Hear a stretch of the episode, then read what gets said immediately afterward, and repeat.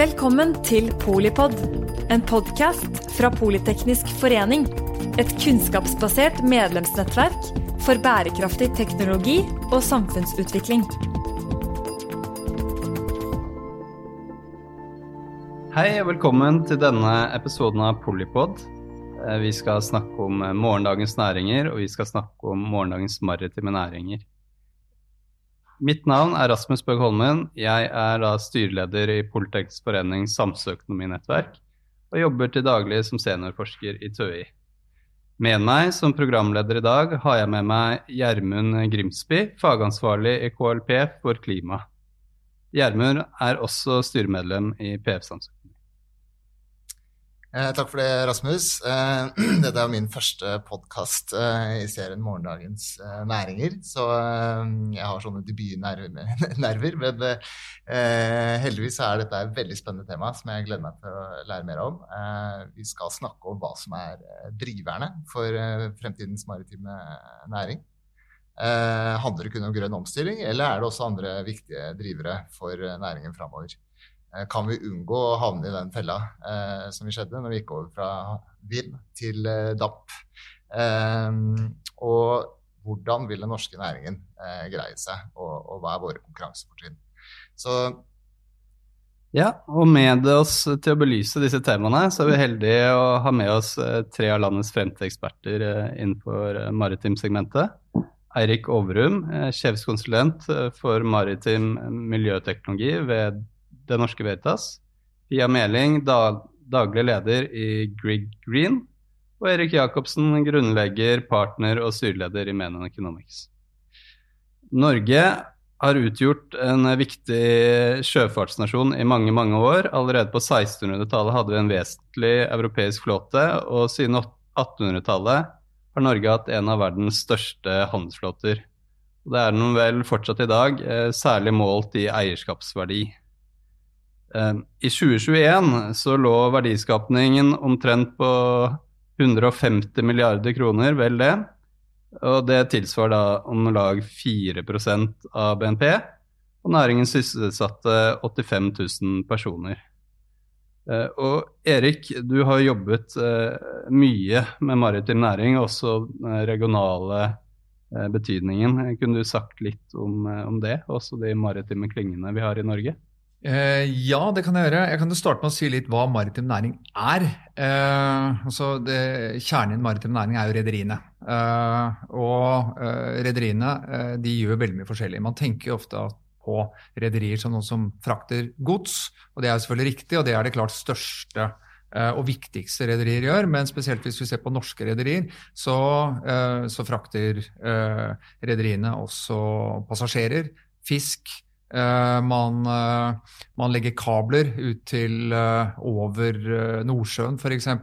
Man flytter på oljerigger. Man gjør en lang rekke ulike typer operasjoner, det vi kaller maritime operasjoner. Det er det rederiene gjør.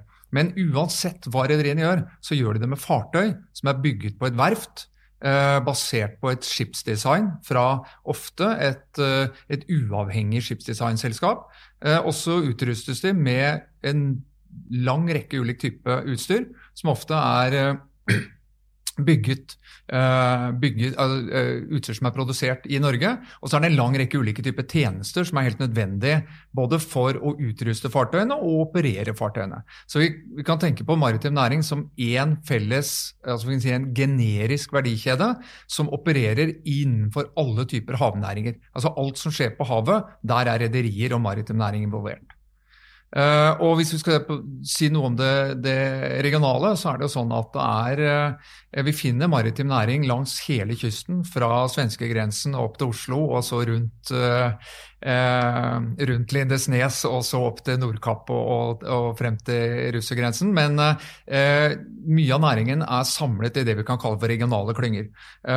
Og, og, de tyngste er på, på Vestlandet. Bergen, Ålesund. Uh, Haugesund f.eks., men også uh, mindre uh, miljøer i Oslo og rundt Oslofjorden. og så er det også maritim aktivitet, som jeg sa, i hele Nord-Norge, men det er mer spredte.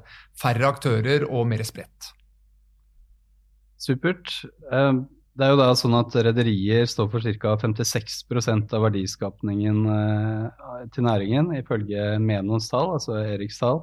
Um, Eirik, eh, kanskje du kunne supplere litt eh, på sammensetningen til norske flåten. Den er jo i endring, og betydningen av eh, nedskaleringen av eh, petroleumsaktiviteten på sikt. Vel, en av de tingene som i alle fall eh, vi har hatt som et fortrinn, det er jo oljenæringa. Og vi har hatt avanserte offshore supply, plattform supply-skip som har eh, gjort alle mulige jobber for, eh, for oljenæringa. De har vært avanserte, og det har vært bygget så derfor er en, Det er en av grunnene til at vi i Norge i dag har en veldig avansert skips, skipsflåte og teknologi og kunnskap om det. Og mm, før eller siden så vil det jo nedskaleres for oljenæringa, men vi ser jo allerede i dag eh, offshore vind som kommer, og der er det veldig like skipstyper. Og mye av det samme teknologien og kunnskapen kan brukes der. Ok, um, Erik. Um, når det gjelder sammensetningen av næringen, uh, kunne du kanskje gitt uh, de av våre tilhørere som ikke kjenner næring så godt, en liten oversikt over hvilke bransjer vi faktisk uh, snakker av? Ja, da kunne jeg tenkt meg å gjøre det litt sånn historisk, fordi at på 1990-tallet, et godt stykke opp på 2000-tallet, så var egentlig norsk maritim næring delt i to. Det var det som blir kalt altså, rederivirksomheten, som i veldig stor grad var det som kalles deep sea-rederier. De som frakter eh, varer og gods på, på verdenshavene. Og så lang rekke ulike typer tjenester knyttet til de, som f.eks. DNBs eh, klassifisering og skipsfinansiering og, og maritim juss og, og, og, sånne ting. Og så var det en skipsindustri som i mye større grad betjente fiskeriene og på en måte, skal vi si, det lokale kystbaserte eh, næringslivet. Og de to var egentlig veldig frikoblet. Men det som skjedde på 2000-tallet, det var eh, at vi fikk en voldsom vekst i offshorenæringen, og som gjorde at de to delene av den maritime næringen smeltet sammen. Så det ble én integrert verdikjede hvor man eh, designet fartøy og, og uh, produserte utstyr og bygget skip på norske verft til norske rederier som opererte både på norsk sokkel og i hele verden. Og det varte frem til 2015. Men etter eh, oljeprisfallet i sommeren 2014 så stoppet rederiene fullstendig å, å, kontrahere nye skip. Og det som skjedde da, det var at man fikk en form for en dekobling mellom eh, industrien på den ene side og rederiene på den andre siden. Eh, og så har man eh, fått et mye mer differensiert og til en viss grad fragmentert bilde i dag. Som jeg sa, hvor, hvor rederiene opererer i en lang rekke ulike havnæringer. Og det er også en av de utfordringene som, som næringen står i i dag, hvor, hvor man ikke lenger har skal vi si, én stor kunde som var Statoil, Equinor eh, og for så vidt de andre oljeselskapene som, eh, som bestilte eh, Altså som sendte penger gjennom uh, verdikjeden og helt ut til, uh, til utstyrsprodusentene og, og, og, tjenesteleverandørene. I dag så skal vi tilbake til det grønne skiftet etterpå, men det som er en stor utfordring i dag, det er at, at nå er kundebildet veldig mye mer fragmentert og spredt og ligger også over hele verden. Og, eh, og, den grønne omstillingen man skal inn i, den er det på en måte ingen som i utgangspunktet betaler for. Equinor betalte for alle teknologiutviklingsprosjektene på norsk sokkel tidligere. Det har man ikke i dag. Og det er noe som også gjør at skal vi si, eh, bildet er mye mer uoversiktlig enn hva det var for sju-åtte år siden. Her er det vel både mange muligheter og ut, utfordringer. Eh, jeg tenker det er naturlig å trekke deg eh, inn, Pia. Du har jo bred erfaring både fra utstyrssiden og rederisiden. Eh, så kanskje du kunne sagt litt om hvordan ulike deler av den norske maritime klyngen komplementerer hverandre. Og så er det et annet tema jeg vet du er opptatt av, som er kompetanse. Eh, vet at operativ erfaring eh, minker ved nedgangen i deep sea, og også dette med rekrutteringsutfordringer. Som du kunne sagt noe om det. Ja, eh, absolutt. Vi har jo en stor utstyrsleverandørklynge også i Norge, som har veldig gode forutsetninger for å lykkes med eksport. Men det er viktig at de har et hjemmemarked å teste teknologien på. Og derfor trenger vi hele klyngen med også rederier i Norge. Det er veldig viktig å kunne kjøre piloter i Norge for å demonstrere teknologi. For deretter å kunne skalere opp og eksportere. Så sånn sett er hele klyngen veldig viktig. Vi ser jo også at mye testing skjer på shortsea nå, på nye, løsninger, som så kan gradvis rulles ut på deepsea. Så vi er absolutt avhengig av et hjemmemarked i Norge for å lykkes også internasjonalt. Og rederiene er jo veldig Altså de er tynget nå av, av usikkerhet i markedene, selvfølgelig. Reguleringene som kommer på miljøsiden. Hva slags type drivstoff skal man bruke i fremtiden? Hva slags type skip skal man kontrahere? Kan man kontrahere nå i det hele tatt? Så det er en forvirrende uh, og uoversiktlig eh, tilstand i markedet nå. Og på toppen av dette kommer uh, mangel på kompetanse. For det er global, eh, et globalt problem, faktisk. Både sjøfolk, mangel på kompetente sjøfolk, særlig etter covid, hvor mange eh, endte opp med å forlate eh, bransjen etter å ha vært, hatt en ubehagelig opplevelse med å være stuck om bord i et skip i opptil et år. Ehm, I Norge har vi også mangel på kompetanse i, i den maritime næringen, særlig knyttet til digitalisering og, og ny teknologi. Og vi trenger definitivt også operativ kompetanse, som du nevnte, som kommer fra å ha vært seilende. Det er færre og færre norske eh, eks-seilende som jobber på land. Det er en litt utdøende eh, rase. Så de unge i dag, både i Norge og mange andre land, ønsker seg ikke nødvendigvis eh, en karriere til sjøs heller. Så dette er noe som næringen tror jeg kjenner veldig på nå. Både um, hva slags teknologi skal de ha i fremtiden, men ikke minst hva slags type mennesker må de ha for å få dette til å funke, og hvor skal de eh, få tak i de menneskene. For det er veldig stor kamp om eh, talent eh, nå, og næringen vår er ikke eh, verdens mest synlige næring. Det er kanskje ikke den som alle som går ut av videregående tenker at ja, jeg skal inn i, inn i shipping eller inn i maritim næring. Så det, der har vi en jobb da, med å bli mer synlige og vise alt det spennende vi driver med, for å tiltrekke oss eh, fremtidens eh, arbeidskraft. Um, denne podkastepisoden her heter jo 'Morgendagens uh, maritime næring'. Nå skal vi løfte blikket litt og, og uh, se framover. Og jeg tror ikke man skal liksom uh, Man må, trenger ikke liksom stirre så veldig hardt inn i glasskula før grønn omstilling dukker opp som en, en, en viktig driver framover. I hvert fall hvis man ser på det som er av offentlige rapporter og bransjeinitiativer på maritim næring Eh, så er eh, grønn omstilling og klimapolitikk et, et stort eh, buzzword. I hvert fall her i Norge. Og i stortingsmeldingen som kom for snaut to år siden, 'Grønnere og smartere morgendagens maritime næring', så maler du nettopp dette her som et viktig bakteppe for utviklingen til den norske maritime næringen eh, framover. Eh, og ikke minst så er det jo Eh, FN har klare ambisjoner. Eh, bærekraftsmål 14, eh, bærekraftig bruk av hav og maritime, marine ressurser. Dette handler ikke bare om klima, men det handler også om miljø. Men det som er spesielt da, kanskje, med dette som en driver, er at det er veldig politisk drevet. Det er ikke de vanlige markedsdynamikken som man har opplevd, og de sykehusene man opplever i maritim næring. Dette er jo politisk drevet, det er avhengig av politikk. Så et spørsmål da, til gjestene her i dag. Er vi så sikre på at dette grønne skiftet faktisk kommer til den maritime næringen, som man kan få inntrykk av?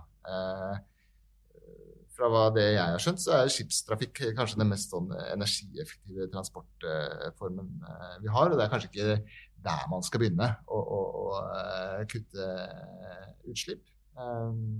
Da da det, lar jeg ordet stå åpent. Eh, Eirik, har du noen perspektiv på det her?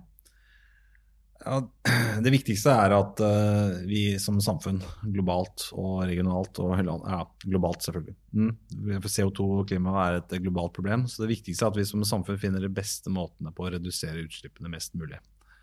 Og, og det er ikke viktigste er jo ikke at vi reduserer utslippene i hver og en sektor, men vi må gjøre det på den best mulige måten sammen. Og da er det må man gjøre prioriteringer. Hva skal vi bruke strømmen til? Hva skal vi bruke den fornybare biomassen til? Hvor skal biodieselen brukes? Osv. Så, videre. så det, det, er, en, det er et, eh, det er et vanskelig valg, en vanskelig problemstilling, og vi er nødt til å forstå hele For alle løsninger så må vi forstå grundig i livsløpsanalyse perspektivet. Fra, fra vugge til grav og utslipp i alle ledd. Før vi kan eh, vurdere og så på en måte fordele det på den beste måten. Det, det, er, det, er, et viktig prinsipp som vi er nødt til å ha. Hvis ikke så suboptimaliserer vi og kommer dårligere ut enn vi ellers ville gjort. Ja. Jeg tror ikke det bare er reguleringer som driver dette. Eh, jeg tror også at lasteeierne, altså befrakterne som leier inn skip, særlig de som opererer i et konsumentmarked, åpenbart, de ønsker å ha utslippsfri transport.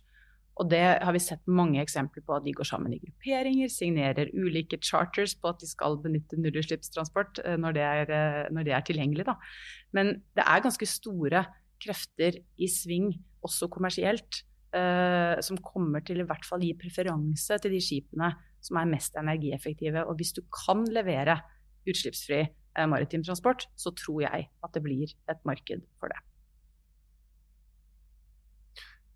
Jeg er enig i det. Jeg er enig for så vidt i begge deler. At er, uh, altså, reguleringer og politikk er, er helt uh, nødvendig, men samtidig så er, det, så er det en god del pull-mekanismer i, uh, i, i, markedene også, og de trekker da i, i samme retning. og Eh, også de som frakter passasjerer, f.eks. Cruiseskip. Der altså de, de, de, reguleringene vi gjør i norske farvann med, med verdensarvfjorden og sånne ting, de, også, de, de får direkte effekt på hvordan rederiene eh, tenker. Og eh, de store rederiene eksperimenterer nå med batteripakker og, eh, og, og skal vi si, andre andre typer løsninger for å, for å redusere utslippene på, på, spesielt da på deler av, av, reisene hvor de er inne i fjorder eller, eller andre steder. Og det, vi ser det i de aller fleste segmenter at det er en stor, uh, stor, interesse for det. Men sannsynligvis så kommer det til å ta ganske lang tid. Men når det først altså Det kommer til å være en, sånn, en, en lang innfasingsperiode, men når det først begynner å ta fart, så vil det sannsynligvis gå veldig fort. Uh, og så, så, uh, så, sannsynligvis så kommer vi til å bruke resten av dette tiåret, og kanskje litt ut på 30-tallet også, før det virkelig begynner å, å skyte fart. Men veldig mange rederier gjør jo nå investeringer i fartøy som kan gå på ammoniakk og hydrogen eller metanol, uh, f.eks. Uh, så de er på en måte future ready. Nettopp. Eirik, uh, du er jo en av forfatterne uh, bak uh, denne rapporten Maritime Forecast 2050. Dere har sett nøyaktig på hva, ulike scenarioer for hvordan man faktisk kan avkarbonisere maritim næring fra et sånt globalt perspektiv. Kan du si noe om hva dere analyserte dere fram til der? Er det noen, hvis jeg er en reder i dag, kan du si meg hvilke drivstoff jeg bør satse på når jeg kontraherer nye skip? Ja, nei, det, er, det, er, jo det alle spør oss om, og vi jobber veldig mye med å prøve å gi råd om det.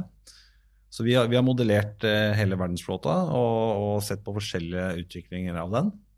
Så for å lage, på en måte, tegne et lite, male et lite lerret her, så, så er det slik at i dag så seiler skip på oljer brennolje. Det kan være tungolje, eh, lavsvovel tungolje. Det kan være marin dieselolje, marin gassolje, som er destillater, altså fossil energi. Det er hydrokarboner. Brenner man dem, så får man ut CO2. Det er jo hovedproblemet. Det er jo bokstavelig talt verdens største avfallsproblem. Eh, og, og, eh, det er andre løsninger. Vi kan gå på metangass. LNG-skip i dag, som er da fossil metangass, det er et hydrokarbon, CH4. Brenner man det, så får man CO2. Eh, og så har vi noen få skip i dag som seiler på eh, metanol. De frakter metanol, så de har metanolmotorer. Metanol er jo da et alkohol av, metan, så det er CH3OH. Brenner man det, så får man CO2. Eh, og så har vi da for, har vi batteribåter. De er jo fantastisk bra utnyttelse av energien. Problemet er jo at det er litt langt å seile, seile over havet. Du kan kanskje seile mellom Norge og Danmark, det tror jeg skal gå greit kanskje sånt, men uh, over til USA blir, blir vanskelig. Uh, og så iallfall innen in 20 års tid eller noe. Og så kan du også seile på andre alternativer som er foreslått, men ikke ennå gjort. Det er f.eks. ammoniakk, som er da NH3. Brenner man det, så får man ikke CO2. Man får lystgass, N2O, som er en klimagass, men det kan man fjerne. Man kan gå på hydrogen, en komprimert flytende eller LOHC. Som brenner man det, får man ikke CO2. Men Eh, alle de tingene må lages, og vi må tenke på det fra vugge til grav. Vi må tenke på det livsløpsanalyse. I dag lages uh, aller meste av hydrogen fra metan, så det, da, blir det, da slipper du ut CO2-en før du får det levert. Du kan lage det fra strøm, du kan lage det fra fornybar strøm. Hvis du lager hydrogen med strøm, fornybar strøm, så kan du enten lage hydrogendrivstoff, eller du kan lage ammoniakk. Eller du kan lage metanol ved å blande det med fornybar for å blande med CO2. Eller du kan lage metan blande med CO2. Eller du kan lage diesel til og med eh, og blande med CO2. Og Da blir spørsmålet hvor du totale utslippene fra hele den prosessen er, da, utslippene forbundet med hydrogenproduksjonen, strømmen, og utslippene forbundet med CO2-en. Hvis den CO2-en som går inn er fornybar, f.eks. For fra avfallsforbrenning eller fra matavfall eller fra rester fra jordbruket, så kan du si på en måte at den CO2-en som går inn i produksjonen, den tar vi ut av noe som ellers ville vært der uansett. Så når vi da slipper den ut, så går det til sammen og blir bra. Men du, det fossile er jo at det allerede er lagret og så blir sluppet ut. Så til sammen blir det netto dårlig gevinst. Så, det, noen, så, så det, måte, det er det store bildet der. Vi har disse forskjellige mulige drivstoffene å gå på. Eh, og så må vi se på verdikjedene, hvordan du lager det hele.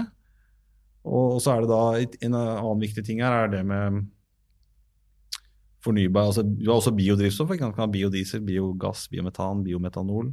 Og Da er det veldig viktig at det er biomassen som går inn til det, er fornybar. Vi kan ikke hogge ned regnskogen det. Det er veldig dumt. Vi kan bruke rester fra når vi sorterer matsøpla vår, så lager vi biogass av den. Det er biometan. Det går busser på i dag. Det burde skipet gå på i framtida. Bussene kan gå på strøm. Og tilsvarende, så Det er gode kilder inn. Men også er det en, en, annen ting når vi skal lage de elektrodrivstoffene. Da, de lages alle sammen av hydrogen pluss noe mer. Uh, det er at det er veldig dårlig virkningsgrad da, fra strøm til drivstoff. hvis du bruker batteri, så får du nesten alt sammen igjen. Det er sånn 95-90% av energien du tar ut av nettet, kommer tilbake får det brukt. Skal du lage hydrogen og så lage ammoniakk, og så brenne ammoniakken om bord, eller lage hydrogen og bruke det direkte, eller metanol eller diesel, så er det omtrent 20 eh, du sitter igjen med. Så du, du trenger 5 kWt strøm på land for å få 1 kWt ut i propellen.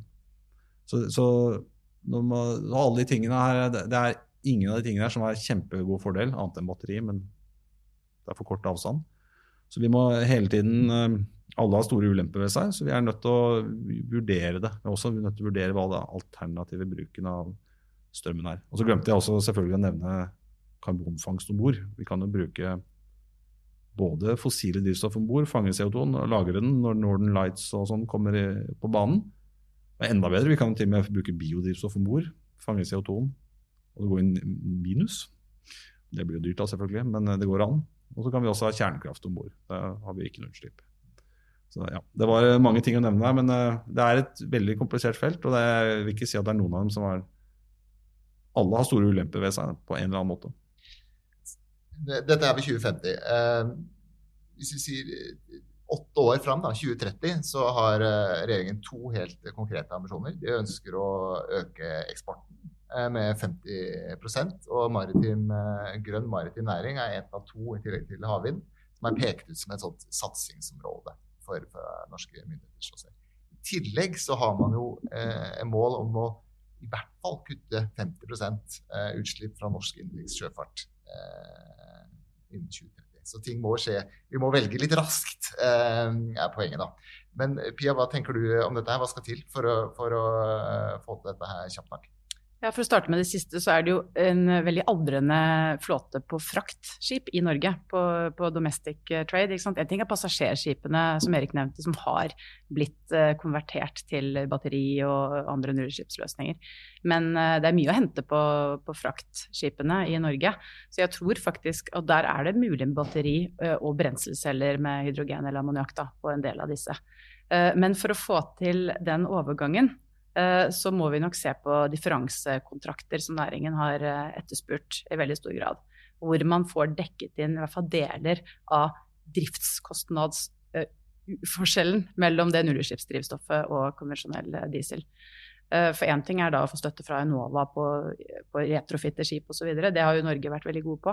Men denne ballen kommer ikke ordentlig i gang før man, før man får litt støtte til driften også. For det er såpass mye dyrere å drive på disse drivstoffene. Um, når det gjelder eksportnæringen i Norge, så har jeg ganske store forhåpninger til at vi kan få til en god vekst innenfor grønne løsninger. Og vi ser jo uh, selskaper sånn som Corvus i Bergen som eksporterer batterier. De jo også, um, gjør jo det til Japan bl.a., som er et marked som ikke er så lett å eksportere til når man ikke er japansk. Um, vi ser sånn som Teco 2030, som jeg sitter i styret til, som starter uh, fabrikk i Narvik uh, på brenselceller. Som skal gå til både maritimt og, og landtransport og byggeplasser. Så det er, det er, mange spennende initiativer på gang i Norge, men de trenger som sagt dette hjemmemarkedet for å teste ut teknologien, for å demonstrere før de kan skalere opp. Eh, så dette henger veldig godt eh, sammen. Mm, jeg tenker også at de to måtte, store utfordringene da, de er på en måte de gjensidig forsterkende. Eh, hvis man lykkes med eh, om den grønne omstillingen i den uh, innenriksflåten, så øker man også sannsynligheten for Altså øker man den internasjonale konkurranseevnen. Og så er jeg, jeg er jo enig i det Eiriks beskrivelser av si, kompleksiteten, og at det, er, at det er negative sider ved, ved, ved, alle de ulike typer løsningene. Men, uh, og at det er viktig å tenke selvfølgelig helhetlig fra vugge til grav og, og, og, sånne ting. Men samtidig så, uh, så er det sånn at at eh, det er viktig å komme i gang uh, med, uh, med, dekarboniseringen. Og da må man stimulere etterspørselen. Som også da Pia sier, altså med differansekontrakter f.eks. på, på, på ammoniakk eller hydrogen, det, det, det, kan bidra til å, å å utløse investeringer fra rederienes side. Og mange rederier sitter egentlig ganske klare. Hvis de først får en trygghet på at de ikke kommer til å tape penger på det, så, så kommer de til å, å, gjøre det. Og så er det da sånn at ammoniakk f.eks. Det er, produseres jo over store deler av verden og fraktes på verdenshavene i, i dag. Det er et veletablert marked for det. Så, eh, så, på en måte bekymringen for at man ikke får tilgang på grønt produsert ammoniakk i en tidlig fase, det tenker jeg at uh, altså I et langt tidsperspektiv er det veldig viktig, men i et kort tidsperspektiv så er det, så er det viktig at, uh, at, man har tilgang på ammoniakk, og at man har en trygghet på at, uh, at man ikke taper penger på, på, på, omstillingen. Og når markedet begynner å ta, når det begynner å bli ganske store volumer, så blir på en måte de, liksom, de komplekse, helhetlige spørsmålene mye mer, mer viktige. da. Men er det sånn Erik, at det er mange rederier som sitter stille i båten og venter litt på hvilken teknologi som, eh, som tar av, at de ikke vil satse det, før de ser hvem som går unna um, som vinner? Og så tenkte jeg å spørre deg om dette med infrastruktur. Det er jo mange av disse mm. energiformene som krever infrastruktur. Du har jo ikke infrastruktur klar for å drive med bio i Afrika. Du mister jo litt fleksibiliteten. Ja, eh, men nå er det forskjellige typer løsninger som kan brukes forskjellig, eh, altså ulike steder. Da. Eh, hvis, hvis, vi, eh, hvis, vi, holder oss til eh, ammoniakk f.eks., så er det, er det flere store eh, ammoniakkonsortier i, i, Norge som, som går for, også da faktisk helt fra havvindproduksjon på Berlevåg til eh, ammoniakkproduksjon som kan fordeles ut på norske eh, havner med på, på lektere og, og på, på, andre måter. Så, så eh, infrastrukturinvesteringene for å få i gang et ammoniakkmarked i Norge, de er sannsynligvis ikke så fryktelig eh, store. Eh, men eh, i i forskjellige land så har man ulik type, uh, ulik type forutsetninger for både energiproduksjon og for, uh, og for distribusjon, så man må måte velge de løsningene som er mest hensiktsmessige. Da. Og i, i, mange land så vil jo solcelle, uh, altså solenergi, som, som, brukes til å produsere hydrogen og eventuelt ammoniakk, være en, en naturlig løsning. For å prøve en sånn uh, oppsummering, hvis jeg uh, skjønte det. Altså, i, i, i, Norge så har man jo CO2-avgifter på drivstoff. Uh, man forventer at det nå kommer et europeisk kvotemarked for maritim næring. hvis vi i tillegg får på plass differansekontrakter, så har vi det som skal til for å oppnå klimaambisjonene. Men Eh, apropos om det grønne skiftet kommer, eh, er det da til slutt et spørsmål om det kommer global CO2 eh, eller karbon eller CO2 eh, klimagassavgifter? er det det som er det store spørsmålet til slutt? for å få et marked utover Norge og Europa? Ja, jeg syns jo det skjer veldig mye bra i Norge og i EU. EU er ekstremt fremoverlente på grønn omstilling, og også, også, omfatter skipsfarten i sin emission trading system osv. Men uh, EU er en liten del av verden, og det begynner å bli et veldig sånn todelt marked. og det er jo ikke en en sunn konkurranse på en måte i forhold til skip som trader i EU, eller skal inn og ut av EU, som vil ha helt andre regler enn resten av verdensflåten. Så det er, syns jeg, et problem at det er så stort sprik mellom det globale regelverket som IMO forvalter, og det vi gjør lokalt og, og regionalt. Ja, Det er litt vanskelig å si hva som vil være, hvordan det ender opp til slutt. da. Men når vi modellerer her, så modellerer vi, har vi i år da, valgt å modellere CO2-pris i EU og ikke i resten av verden. Men, eh, og, og, men da har jo dekommuniseringen i modellen det har kommet gjennom tekniske krav eh, som Carbon Intensity Indicator, CII. Så, så, det er jo to forskjellige måter å gjøre det på, som kanskje til sammen eh, gir, det beste resultatet. En ting som vi ser når vi regner på CO2-priser og effekt, er jo at du må ganske høyt opp i CO2-pris for at det har en klimaeffekt. det har en stor effekt på regnskapet til rederiene, men eh, du må, du må, nå hele prisgapet. Det er derfor du snakker om differansekontrakter her. Du må, du må, dekke hele prisgapet mellom det veldig mye dyrere grønne drivstoffet og det fossile. Hvis du dekker halvparten, så blir det bare en utgift, og ikke noe klimareduksjon. For da går du bare på fossilt og betaler skatten i stedet. Ja, nå har vi snakket mye om utslipp, eh, og vi har også vært innom livsløpskostnader. Jeg tenkte å gå litt uh, dypere inn på det. Uh, for ti år siden så, sto jeg på stranda i Bangladesh i Chittagong og så på verdens største søppelplass med båter oppe på stranda. Og det var, ikke, det var fascinerende, men kanskje ikke så pent syn. Og jeg ble jo da som nordmann utskjelt av menneskerettighetsaktivister og miljøaktivister og jeg vet ikke hva. Eh, for at eh, Norge bidro negativt, mente de denne gangen. Eh, samtidig så, så man jo at det åpenbart var mye sysselsetting og gjenbruk involvert i den endestasjonen for skip. da.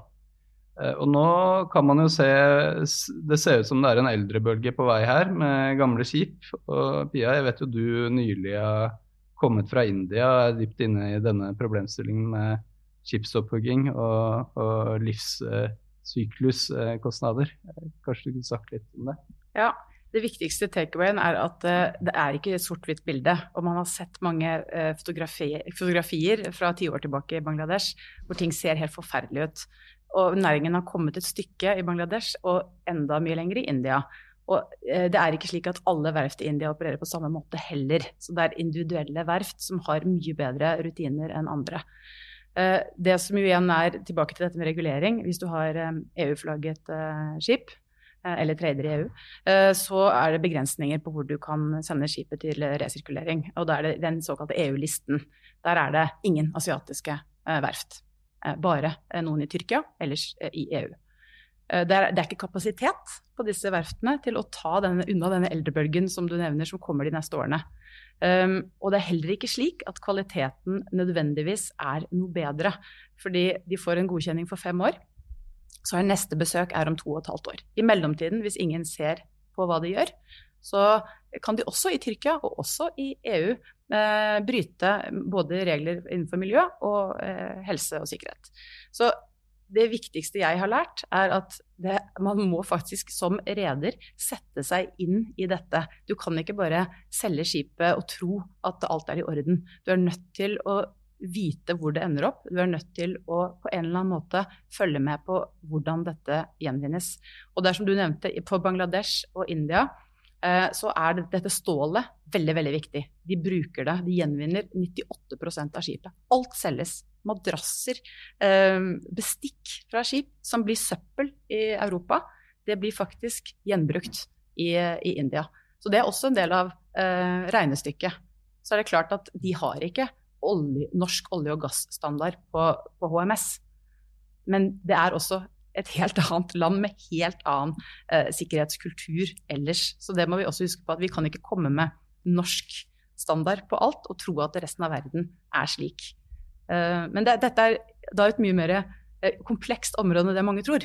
Det er ikke um, bare å gjøre, altså sende et skip til et EU-listet verft og, og, tro at det, da er alt i orden heller. Så vi må ha åpenhet og transparens og faktisk engasjement rundt hvordan dette gjøres.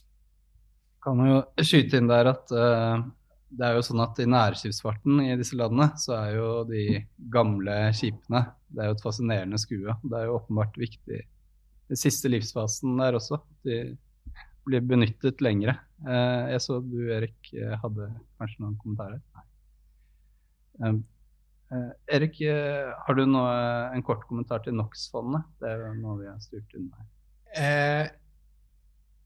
Eh, ikke annet enn at NOx-fondet har vært veldig viktig for um, Eh, for eh, å investere i ny eh, teknologi, spesielt i, grønn teknologi. Men siden jeg fikk ordet her, så kan jeg, hvis det er greit, også hoppe litt tilbake til det er et spørsmål om, om CO2-avgifter som, som Gjermund spurte om i stad. Jeg tror at alle er vel enige om, i hvert fall alle økonomer er enige om at en global CO2-avgift som ville være tilstrekkelig høyt til at den biter, det ville være den beste løsningen. Men så er det andre typer mekanismer som kan benyttes i stedet. Og så har jeg uh, så å si at selv om, uh, selv om CO2-avgiften ikke er så fryktelig høy, så er det ikke sånn at, måte, at, det er, at, det er, et eller annet sted hvor den blir høy nok til at plutselig blir det lønnsomt. fordi det vil se forskjellig ut i hvert, ene, hvert enkelt segment, og også mellom ulike rederier. Og som Pia snakket om i stad, så er det jo også et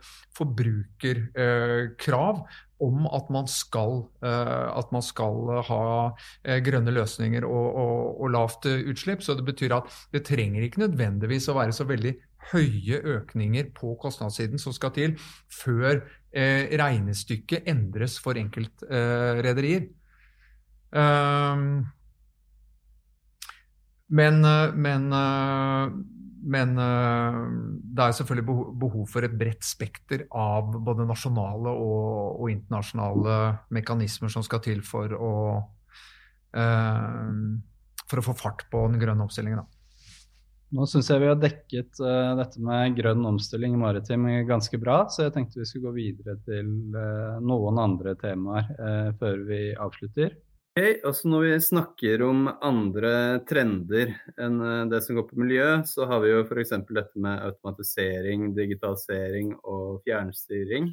Her skjer det jo en del spennende på automatiseringsfronten i Norge. Du har Seabuss passasjerfarger i Midt-Norge, Asko i Oslofjorden, eh, Yara Birkeland. Og dette er jo temaer du har eh, inngående kunnskap i, Pia? Ja, eh, frem til oktober så jobbet jeg i Mastly som eh, drifter Yara Birkeland og de to Asko-fartøyene. Foreløpig har de en eh, redusert bemanning om bord, men de skal jo bli helt ubemannet. Og det starter jo på um, domestic trade, dette, i mange land. Men Norge ligger absolutt i tet sammen med selvfølgelig Nederland, visse asiatiske land osv. Og, så videre, og Finland. Men det er spennende når vi nå får mer båndbredde og connectivity også lenger ut fra landet etter hvert, til en rimeligere pris, så kan eh, digitalisering og fjernstyring også gjøres over litt lengre strekninger enn bare nære land. Og det er jo en del trender som går i favør av det. Både at det er mye ny teknologi om bord i skipene, mye nye drivstoff som skal tas i bruk, og begrenset erfaring rundt det. Det er ikke mange maskinister i dag med lang seilende erfaring som kan noe om ammoniakk som drivstoff, eller hydrogen som drivstoff. Eller batterier, for den saks skyld. Så vi ser at det er, en, ehm, det er et gap i kunnskap som må fylles. Og der mener eh, mange at det å kunne ha en ekspert på land som kan eh, guide en mer generalist om bord, vil være en god løsning. Kan også få ned driftskostnadene selvfølgelig om bord. I tillegg så har vi en trend på at det er mangel på, på sjøfolk. Både innad i Norge, innad i de fleste land egentlig, og også i den internasjonale flåten, altså globalt. Og særlig da eh, spesialistkompetanse som vi vil trenge i det grønne skiftet. Så da er eh, muligheten for å kunne ha fjernstyring og, og liksom expert in the loop på land en veldig spennende utvikling som kan eh, både hjelpe overgangen til nye drivstoff, og selvfølgelig få ned kostnadene og få opp sikkerheten eh, til havs. Dette syns jeg var en eh, fin og spennende redegjørelse, Pia. Eh, jeg tenker vi, jeg kan utfordre deg på en annen ting, og Erik kan supplere. Det er jo dette med den nye geopolitiske situasjonen med Ukraina-krigen og disse spenningene vi har eh, mellom USA og Kina. Så er det jo covid-19 oppå dette, da. Eh, og du har endrede fraktruter. Det er ikke så mange som prater om Nordøstpassasjen lenger. og eh, maktbalanser og verdikjeder som påvirkes. Så, ja. ja. jeg tror eh, det har gjort noe med oss, den, både pandemien hvor vi rett og slett skjønte hvor sårbar hele supply chainen vår er. For en, ting er mannskapsbytte, og en annen ting er jo alle deler som uh, vi skulle få fra Østen bl.a. Så det koblet med geopolitisk usikkerhet gjør nok, tror jeg, at mange um, ser på å endre forsyningskjedene sine noe, og kanskje ha en, en, en mer homeshoring av, av eh, tjenester. Det er mange som trekker seg ut av Kina nå eh, og går til mer si, stabile regimer, eller, eller nærere hjemme, altså inn, inn, til Europa igjen. da. Men dette kan vel Menon sikkert mene noe om. Tror du det, Erik, at vi vil se mer regional handel? Eh, ja, det tror jeg. Og, og, vi begynner vel å se det allerede eh, nå. Det er, eh, det er, mange som legger vekt på eh, å ha eh, alternativer i forsyningskjedene. Ikke være avhengig av enkeltleverandører og enkelte transportlinjer. at man ønsker, mer, man ønsker mer fleksibilitet. og Man ønsker også å ha eh, forsyningslinjene nærmere seg selv, og aller, aller helst i eget land. Men selvfølgelig er det en sånn det er jo en trade-off mellom, eh, mellom, kostnader og, og forsyningssikkerhet også. Um, og Jeg er ganske sikker på at den trenden der kommer til å fortsette. Og Det er også litt interessant at, um, at sånne store uh, globale hendelser som covid-19-pandemien og Ukraina-krigen og sånn, de får umiddelbare, ganske dramatiske konsekvenser for uh, Eh, spesielt for, eh, for rederiene. Samtidig så kan det gjerne sette i gang litt mer sånne langsiktige endringsprosesser som er litt mindre synlige, som f.eks. da eh, at man får en reindustrialisering og, og, og at det bygges mer redundans i forsyningskjedene. Av de umiddelbare, sånn umiddelbare dramatiske konsekvenser, så er det jo under covid-19 så gikk jo konteinerratene ekstremt eh, i været etter at de hadde vært ganske jevnt over synkende i, eh, i mange år. Og med Ukraina-krigen så ble etterspørselen etter flytende gass både eh, i form av transport og lagring, som også førte til at LNG-ratene eh, gikk kraftig i været. Så det var liksom sånn eh, både geopolitiske spenninger og, og, andre typer globale hendelser som, som, både, som, både, slår ut veldig kraftig på, på kort sikt, men som også begynner å, å, å, og påvirke mer sånn langsiktige, strukturelle eh, eh forhold. Da. Det, er, det er et veldig godt poeng. Det er jo interessant å se hvordan uh, norske aktører har fått eh, plutselig tilgang til kontrakter i Brasil og Afrika nå, som eh, offshoremarkedet har vært såpass uh, hett. Men la oss mm. gå videre til dette med regulering, Gjermund. Ja, nei, jeg har et spørsmål jeg brenner inne og snakker med gjengen her. og det som samfunnsøkonom så er vi jo opptatt av både skatt og, og velferd, og selvfølgelig næringsliv. Men maritim næring den er jo per eh, definisjon kan man si, veldig svært mobil. Eh, og i Norge så har vi vært opptatt av å legge til rette for å beholde eh, den maritime næringen i Norge. Bl.a. gjennom særegne rederibeskatningsordninger på selskapsskatt og ikke minst nettolønnsordningen for, for sjømenn. Og um, et spørsmål er kan dere betrygge Finansdepartementet, som lurer på når vi satser på maritim næring, kan den virkelig måte finansiere de velferdsordningene vi trenger eh, framover til eldrebølge og utdanning av arbeidskraften vår? Greier vi å hente inn noen skatter derfra?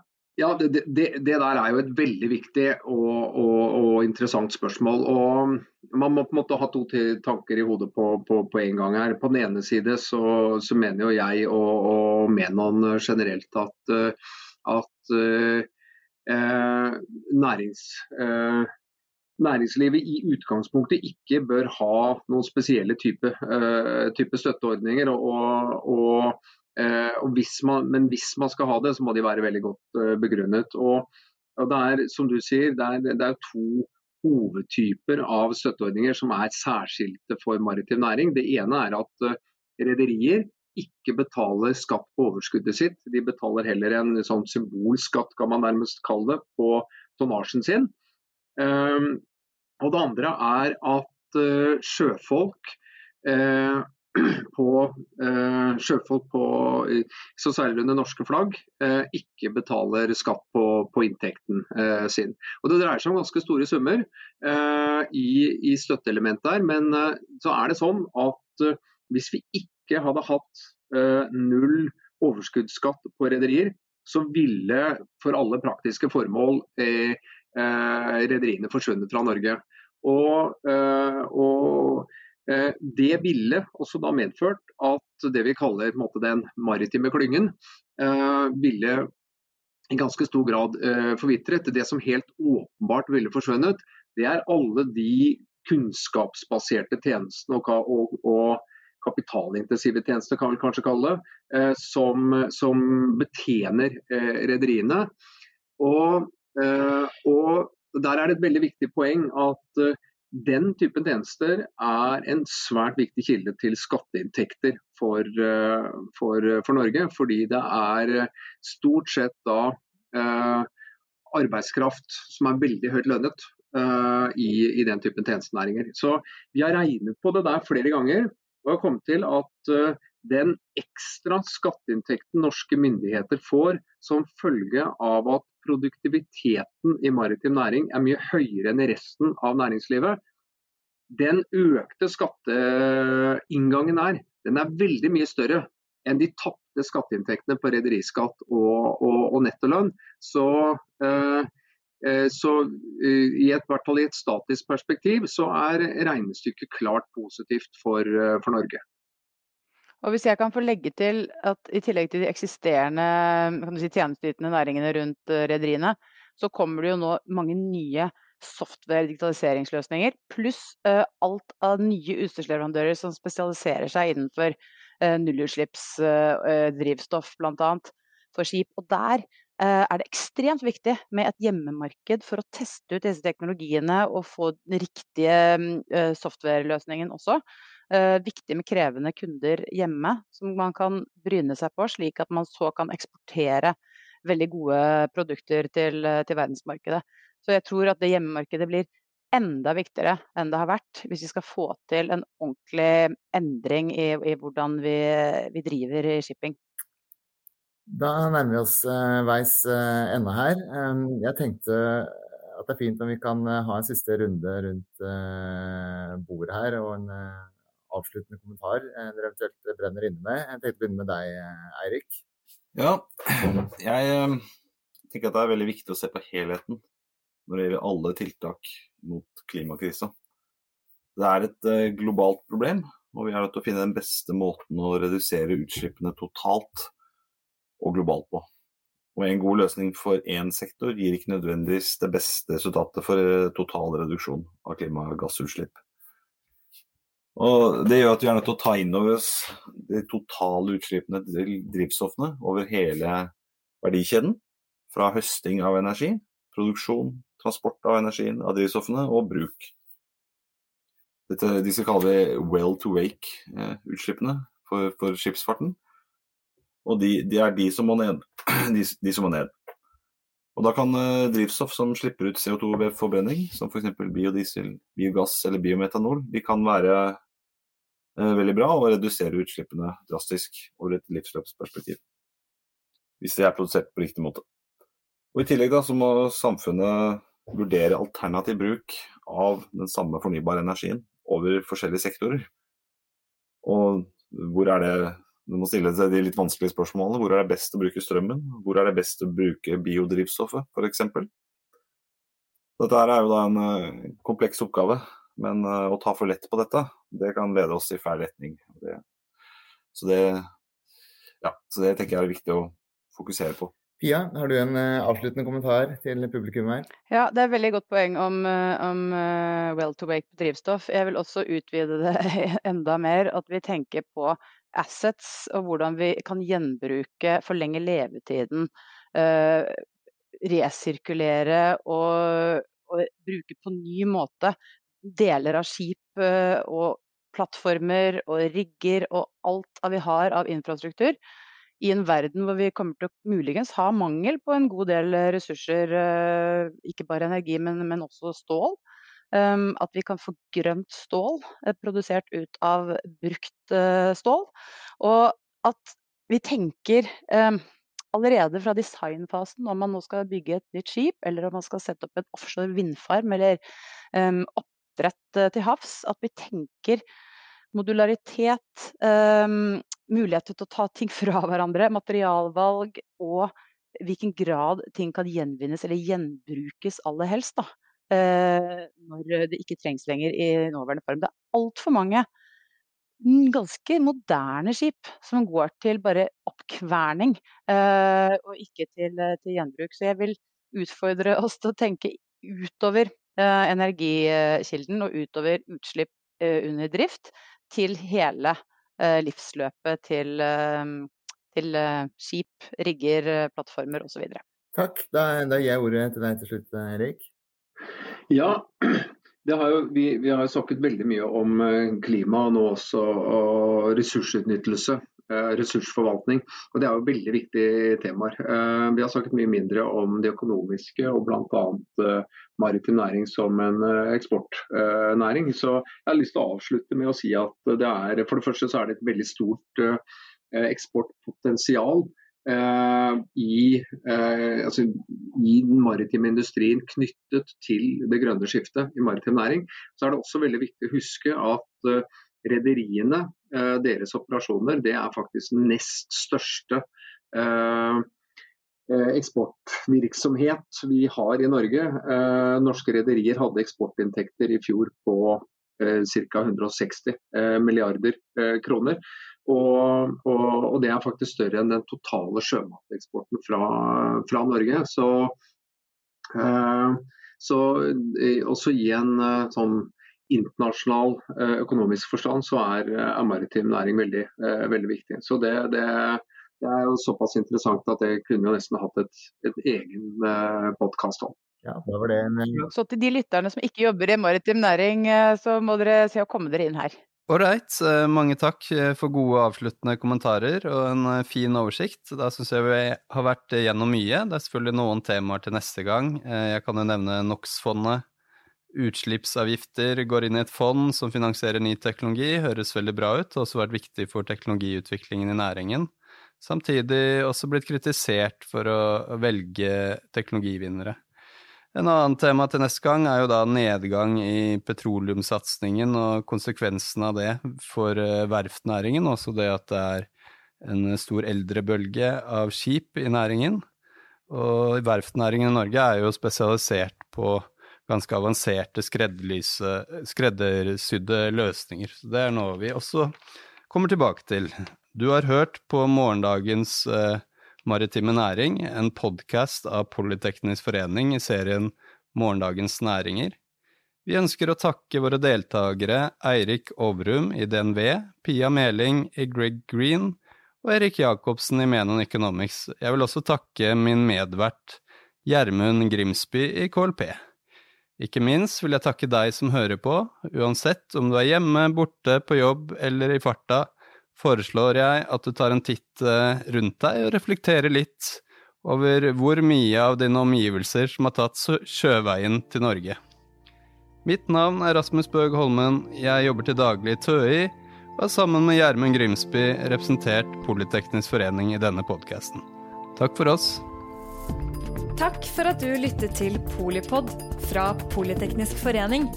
Få med deg flere episoder, eller bli med på nettverksmøtene som du finner på at polyteknisk.